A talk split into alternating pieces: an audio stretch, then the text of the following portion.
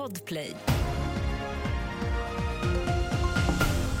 Det här är senaste nytt. En polis har skadats i Jönköping efter att ha attackerats av en gärningsperson. Polisen fick larm om en utåtagerande person i ett bostadsområde som när polisen kom till platsen lämnade bostaden med ett tillhygge.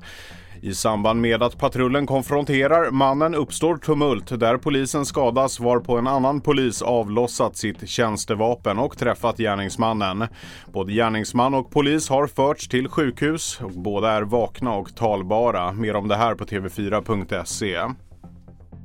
Extremkyla och brist på vind gjorde att prognosen pekade på höga elpriser under fredagen. Så blev även fallet. TT skriver att priserna blev de högsta på över ett år.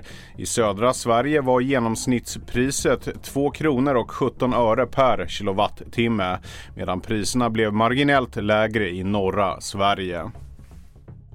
Ukrainas president Volodymyr Zelensky har talat på videolänk under konferensen Folk och Försvar i Sälen.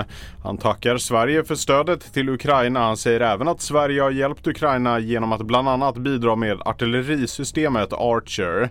I TV4-nyheternas 19-sändning kommer vi rapportera direkt från Folk och Försvar i Sälen. Mer nyheter hittar du på tv4.se.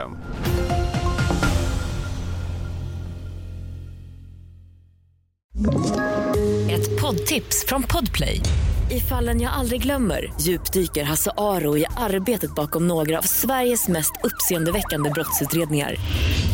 Går vi in med hemlig telefonavlyssning och, och då upplever vi att vi får en total förändring av hans beteende. Vad är det som händer nu? Vem är det som läcker? Och så säger han att jag är kriminell, jag har varit kriminell i hela mitt liv men att mörda ett barn, där går min gräns. Nya säsongen av Fallen jag aldrig glömmer på Podplay.